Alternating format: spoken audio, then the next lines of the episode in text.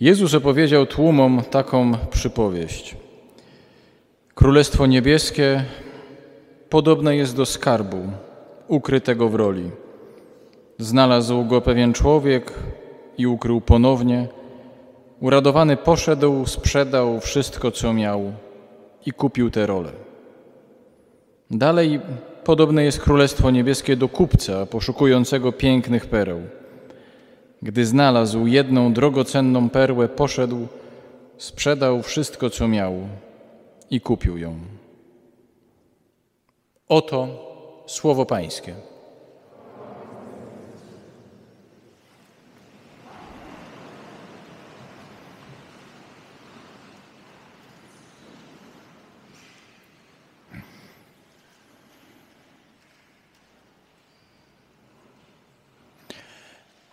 Bardzo krótka Ewangelia i, i, tak naprawdę dwa, e, trzy wersety e, u świętego Mateusza, e, które mają podobny schemat. Mamy bohatera w obu tych zdaniach, który wykazuje się jakąś determinacją. Mamy jakiś cenny przedmiot, no i mamy decyzję na to, żeby ten przedmiot nabyć, sprzedając wszystko, co się posiada, wszystko, co jest w życiu cenne, żeby to coś mieć, mieć na swoją własność. Wydaje się e, tak w pierwszym odruchu, że obie, e, oba te obrazki mówią o tym samym. Ale jak się bliżej przyjrzeć, to Pan Jezus e, dokonuje tutaj dwóch porównań. I one są nieco inne, są nieco różne od siebie. W pierwszej kolejności mówi, że Królestwo Niebieskie podobne jest do skarbu.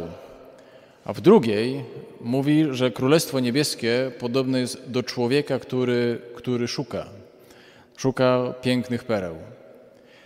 W jednej strony Pan Jezus mówi, że, że skarb, czyli coś, co jest zewnętrzne w stosunku do człowieka, coś, co nie jest w nim, że to jest królestwo, które trzeba zdobyć, jak się już zdobędzie, to trzeba je utrzymać.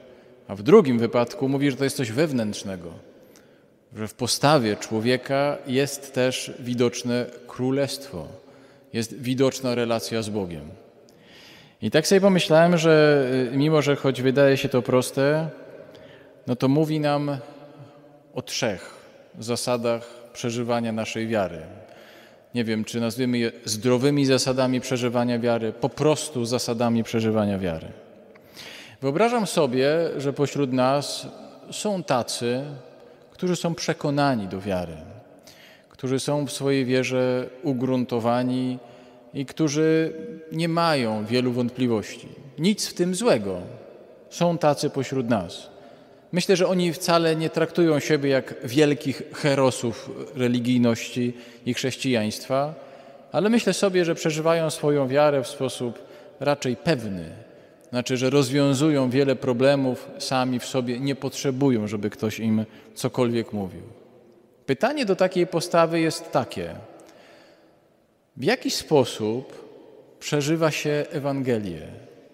W jaki sposób ten skarb, jakim jest Ewangelia, traktuje się na co dzień? Bo wszystko, cokolwiek robimy, cokolwiek robimy tu w kościele i co związane jest ze słuchaniem Słowa Bożego, nawet z jego komentowaniem, jego jakąkolwiek refleksją nad nim, nie ma na celu tego, żebyśmy się wzruszyli, przeżyli jakąś emocję, żeby nas to zaciekawiło, żeby to było dla nas jakąś intelektualną przygodą. Nie, tak naprawdę wszystko jest po to, żebyśmy tą Ewangelią żyli jeden do jednego na co dzień. Wszystko, cokolwiek robimy związanego z Pismem Świętym, naprawdę nie jest związane z tym, żeby tu jakikolwiek ojciec popisywał się swoimi oratorskimi wykwitami, ale żeby zachęcić nas do tego, żeby żyć Ewangelią jeden do jeden. Tylko po to. To wszystko jest naprawdę tylko po to. Nie, żebyśmy się wzruszyli, pomyśleli, że to jest ciekawe, interesujące, w ogóle ciekawa myśl mi przyszła do głowy, ale żeby ta Ewangelia i Słowo Boże żyło w nas jeden do jeden. Pamiętam, to był chyba 97 rok. Ja byłem na pierwszym roku studiów na prawie, na Kulu I wtedy w Wielkim Poście do małego kościoła akademickiego, nie wiem kto z Was był, to wie, do kościoła jezuitów, trudno, tak bywa, y, przyjechał y, y, dominikanin z Poznania, nazywał się Jan Góra. Nic mi to kompletnie nie mówiło, absolutnie, w ogóle. Ani dominikanin, ani Jan Góra, ani Poznań, zupełnie. Mój kolega, z którym mieszkałem na stacji, powiedział, słuchaj, to będzie, to będzie niezwykłe przeżycie, chodź, pójdziemy. Padał śnieg. Kościół akademicki w Lublinie jest, myślę, że wielkości połowy tego, co my tu mamy, jak nie jedną trzecią. Więc staliśmy na zewnątrz z moim kolegą Michałem, dzisiejszym benedyktynem. Staliśmy i powiedziałem mu, że jeżeli to będzie nudne, to ja po pięciu minutach idę, bo było zimno, padał śnieg na nas, w ogóle żadna przyjemność. No więc y, staliśmy tam 40 minut. Jan Góra mówił 40 minut kazanie.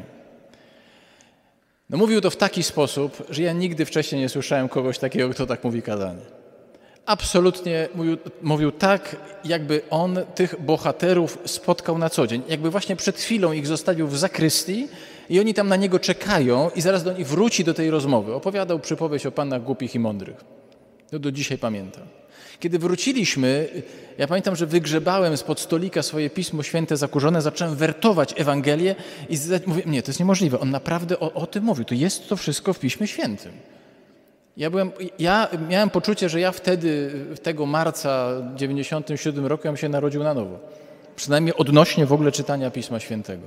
Było to tak fascynujące. Absolutnie w tym, w tym jednym. Myślę, że ojciec Jan w ogóle tego nawet nie pamięta. Powiedział o takiej rekolekcji pewnie milion sto pięćdziesiąt. Dla mnie w tym śniegu to było naprawdę coś niezwykłego. Nie po to, żebyśmy przyszli właśnie przeżyć niezwykłą emocję, ale żebyśmy zaczęli to czytać i tym chcieli żyć. To jest pierwsze. Druga rzecz to do tych wszystkich, którzy nie odnajdują się w takiej postawie przekonanych, ale widzą siebie w takiej postawie szukających. Takiej postawie, która nie do końca jeszcze wie, ma wiele wątpliwości. I pomyślałem sobie, że pytanie do tej postawy jest takie: czy jestem uczciwy w tym szukaniu? Czy rzeczywiście to moje definiowanie siebie jako osoby poszukującej wpływa na moje życie, czy jest tylko takim zgrabnym wytrychem? Na przykład, mam wątpliwości co do tego, co Kościół mówi na temat metody in vitro. Pytanie jest takie, czy w ciągu ostatnich pięciu lat przeczytałeś coś na ten temat, żeby to zrozumieć? Bądź albo na za, albo przeciw. Nie mówię o dyrdymach w internecie. Nie mówię o naprawdę e, o bzdurach, które wypisujemy na Facebooku. Albo mam wątpliwości co do tego, co Kościół mówi na temat antykoncepcji. Pytanie jest dokładnie takie samo. Czy w ciągu pięciu ostatnich lat wziąłeś cośkolwiek, co da ci argument na za albo na przeciw? Bo myślę sobie, że jednak często mówimy o sobie jestem poszukujący, bo to ładnie brzmi, czy jednak jest we mnie jakaś otwartość, ale w momencie, kiedy Pan Bóg mówi sprawdzam, to sprawdzam, to jak to wygląda to może się okazać trochę, że stoimy tacy, no właśnie, na gołym polu. Fajnie jesteśmy poszukujący, to pokaż, jak jesteś poszukujący. Dla własnej uczciwości, przeżywania wiary. I trzecia rzecz, która, która pojawia się w obu tych przypowieściach, a która wiąże się z pierwszym czytaniem z Księgi Królewskiej. Obaj bohaterowie sprzedali wszystko, co mieli, wszystko, co mieli cennego. To jest to, co było w pierwszym czytaniu. Bóg objawił się król, jeszcze nie królowi, objawił się Salomonowi. Marzenie każdego z nas, marzenie wszystkich nas. I powiedział: Dam ci o cokolwiek poprosisz. To o co byś poprosił? Nie? Więc to jest bardzo ciekawe, że, że, że, że, ten Salomon wcale nie prosi o to, żeby Bóg wytracił wszystkich jego przeciwników, że nie prosi o żadne bogactwa materialne, że nie prosi o zdrowie. Bardzo ważne rzeczy. Naprawdę ważne. Ale mówi o tym, chciałbym umieć odróżniać dobro od zła. O to proszę. I to dostaję. I oczywiście możemy to od razu tak trochę sceptycznie do tego podejść. No wiadomo, no to jest Salomon, to jest w ogóle legenda Pisma Świętego, legenda Starego Testamentu, no w ogóle człowiek niezwykły i cudowny. Ale myślę sobie, że wielu z nas jednak stoi codziennie przed takimi wyborami. Jednak w końcu świat, w którym żyjemy, oferuje nam tak wiele różnych możliwości spełnienia, I tak często do nas mówi: idź za swoim pragnieniem. I tak często mówi: skorzystaj z całej palety, którą masz. W gruncie rzeczy za tym jednak stoi taka podpowiedź ze strony Pana Boga. Być może świadoma droga ze mną jest też drogą rezygnacji. Rezygnacji z wielu różnych rzeczy, które są na tej palecie Twojego życia. To jest strasznie niewygodne. Ja wiem, co ja mówię. Dokładnie tak samo mam. To strasznie niewygodne, ponieważ jednak, co by nie powiedzieć, wszystko, co, co, co słyszymy w większości przekazów, jak żyjemy, no mówi, jak z tego nie skorzystać, jeszcze niepełnym człowiekiem będziesz. Będziesz niedoskonały, niespełniony, sfrustrowany. Jest taki moment w relacji z Bogiem, w którym Pan Bóg mówi, spełnisz się, jak zrezygnujesz. Myślałem dzisiaj, jak, jak czytałem tę Ewangelię, oglądaliście wszyscy ten film, Myślę, że wszyscy. Ja go widziałem znowu niedawno w telewizji w ramach jakichś wakacyjnych powtórek. Diabeł ubiera się u Prady, nie? to sprzed kilkunastu lat. O ile Anne Hathaway w tym filmie, jak wiadomo, jest tą dziennikarką, która bardzo tam chce się właśnie zrealizować i, i, i pracować w czymś, co jest takim odpowiednikiem Woga yy, i, pracuje tam pod skrzydłami Meryl Streep, no to Meryl Streep jest fantastyczna. Nie? Fantastyczna w tym filmie i absolutnie cudowna. I, i, I, wszystko idzie świetnie, tak? Wszystko idzie świetnie. Ta dziewczyna y, pnie się po stopniach tej kariery. Jest taki moment, kiedy jadą w Paryżu samochodem i, i Mary Streep do niej mówi, do, że mówi, widzę w tobie siebie. Widzę w tobie siebie sprzed kilkunastu lat. Wróżę ci dobrą przyszłość. I to jest moment dla niej taki, tak, taki gdzie się w niej przełamuje, się zatrzymuje, ona nie pamiętacie, wychodzi w drugą stronę i zostawia to wszystko. I oczywiście to jest, to, jest, to jest film, nie? To, jest, to jest moralina do kwadratu. Nie? Jak ja to mówię, nie? To, to, jest, to, to jest taka historyjka, którą no, to się opowiada dzieciom dwunastolatkom. No ale słuchajcie, no przecież de facto to wszyscy, wszyscy w tym uczestniczymy. I chrześcijaństwo to jest o tym, żeby, się, żeby z tego samochodu od Prad wyjść. Nie chodzi mi o to, czy się ubieramy w takie czy inne ciuchy. Ale nie da się w którymś momencie naszego życia mieć ciastka i zjeść ciastka. Nie da się mówić, że jestem chrześcijaninem i robię dokładnie to wszystko, co się dzieje na świecie. Jestem, spełniam Ewangelię i robię dokładnie to wszystko, co dzieje się dookoła. No jest, jest w życiu naszym z Panem Bogiem wpisany też moment rezygnacji. To słowo od, od, od, sprzedał wszystko, co miał, pojawia się jeszcze raz w Ewangelii. Pojawia się w tej scenie, kiedy do Pana Jezusa przychodzi bogaty młodzieniec. Pamiętacie? Człowiek, który mówi: Ja robię wszystko. Wszystko, co Pan Bóg przykazał. Wszystkie przykazania spełniam. Ja to robię od młodości. Czego mi jeszcze brakuje? Nie? Jezus patrzy na niego, mówi: Sprzedaj, daj ubogim i chodź za mną. Bardzo lubię to tłumaczenie, tłumaczenie y, które, które też funkcjonuje tego fragmentu, który mówi, że to, co najcenniejsze, to, co mamy sprzedać, to jest ta część naszego życia, do której nie wpuściliśmy jeszcze Pana Boga, którą załatwiamy po swojemu. To jest może nasz grzech, to jest nasza słabość, to jest ten rodzaj relacji, który mówimy: tutaj Pana Boga nie ma, to załatwiam sam. Wszędzie jest, ale tam nie ma. I to jest ten moment tego wszystkiego.